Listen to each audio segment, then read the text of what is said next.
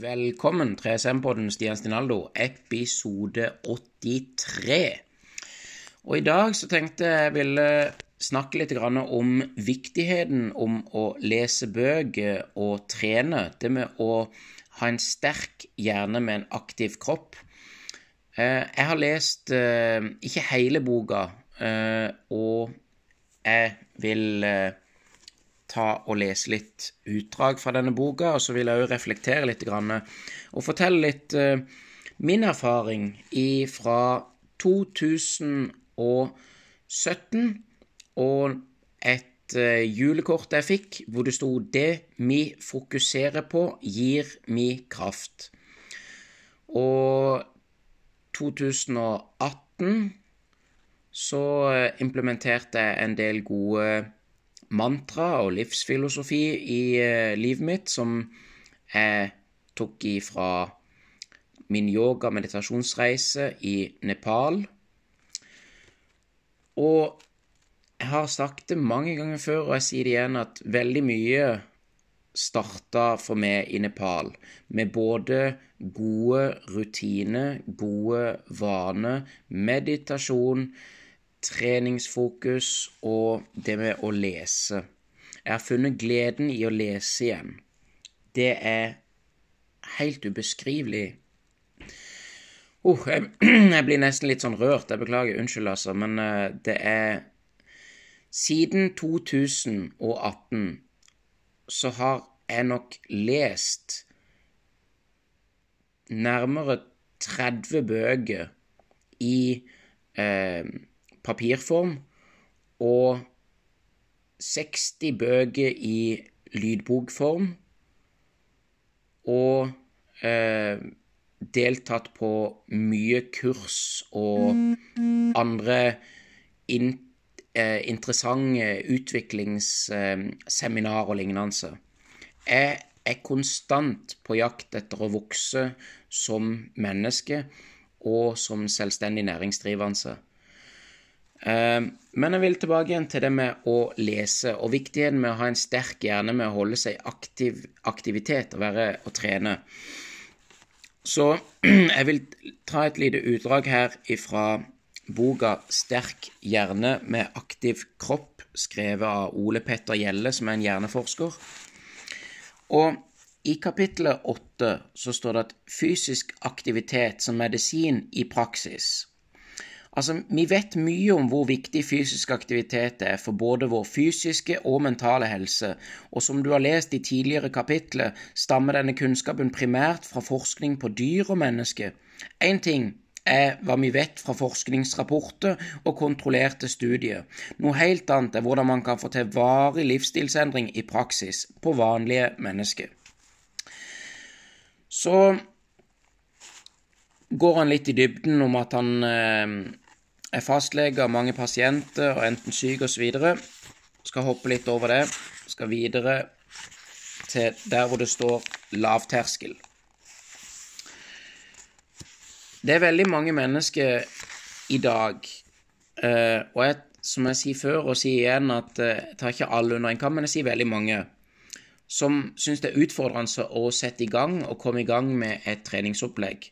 Og et lavterskeltilbud vil jo være for de som har litt vanskelig for å komme seg ut og trene hardt, og snittalderen i gruppa for de i det lavterskeltilbudet her var 63 år, med en spennvidde som var helt opp til 94. Den yngste var 19. Så det er jo klart at noen kan løpe, mens andre trenger krykke eller rullator for å kunne gå. Men det var flere ting som var viktig for å bestemme for treningsopplegget. For det første så måtte det være enkelt og gjennomførbart for pasientene og for oss. Blir opplegget for ambisiøst, så er sjansen for både skade og frafall stort. Så da de starta opp, hadde de mosjonsgruppe per uke. Eh, I dag har de fått til en tre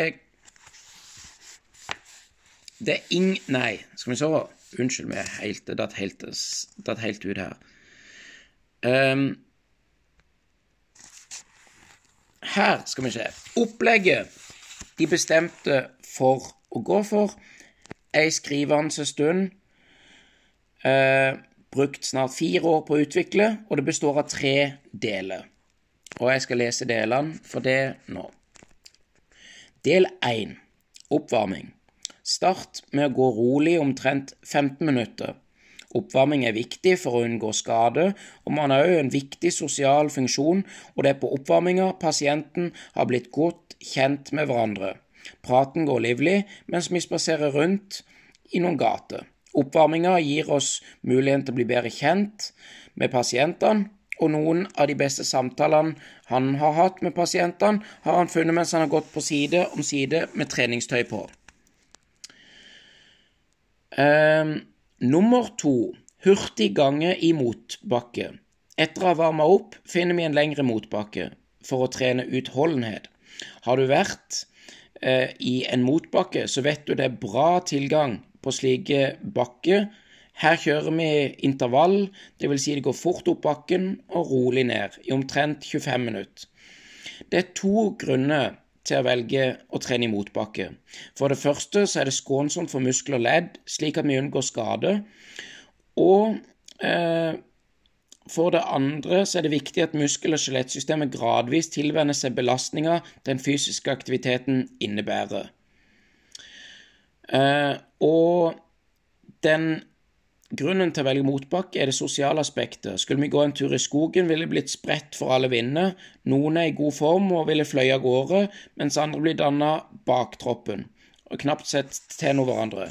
Trene motbakke er alle på samme sted, og selv om vi har forskjellige fysiske forutsetninger, noen løpe opp bakken på halvannet minutt, mens andre bruker god tid.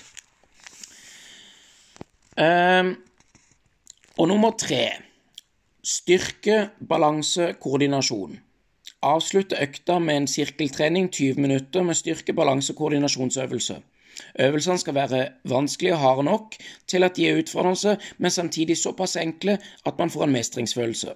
Målet med øvelsene er at de skal være så funksjonelle som mulig, dvs. Si at man trener opp ferdigheter man har behov for i hverdagen. Styrke, balanse og koordinasjon er viktig for alle. Man har kanskje størst praktisk betydning for litt eldre. Litt økt muskelstyrke og balanse kan være forskjellen mellom å klare seg hjemme og gå trapper, og det å måtte flytte på sykehjem. Så um, Oppsummert her, da, så vil jeg Stian Stinalo si det at det står her den største studien, hvor man testa 883 pasienter, så var utendørstrening assosiert med lavere grad av depresjon og stress, i tillegg til økt energinivå.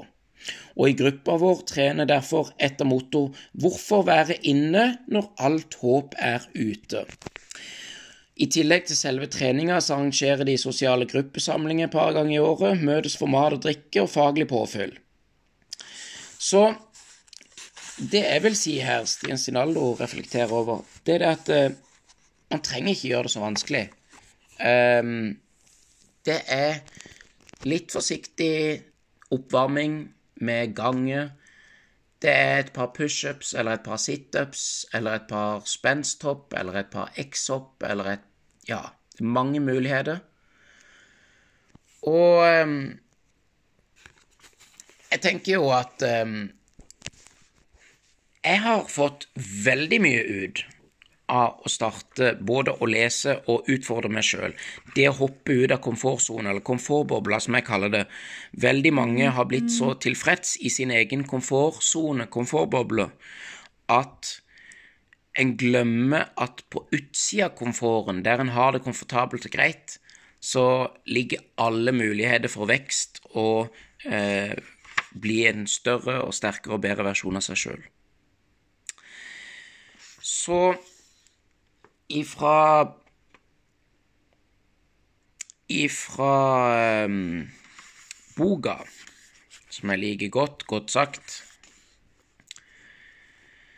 så vil jeg avslutningsvis, før jeg setter i gang uh,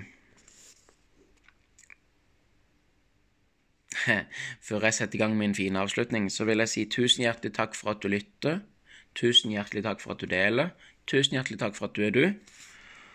Og Dostojevskij sa det så fint. Man skal elske Unnskyld. Dostojevskij sa det så fint. Man skal elske livet høyere enn dets mening. Så med det så vil jeg si hva er vel livet? Et pust i sivet som synker ned, et spill av krefter som haier efter en evighet. Oken klager. Hjertelig tusen takk. Én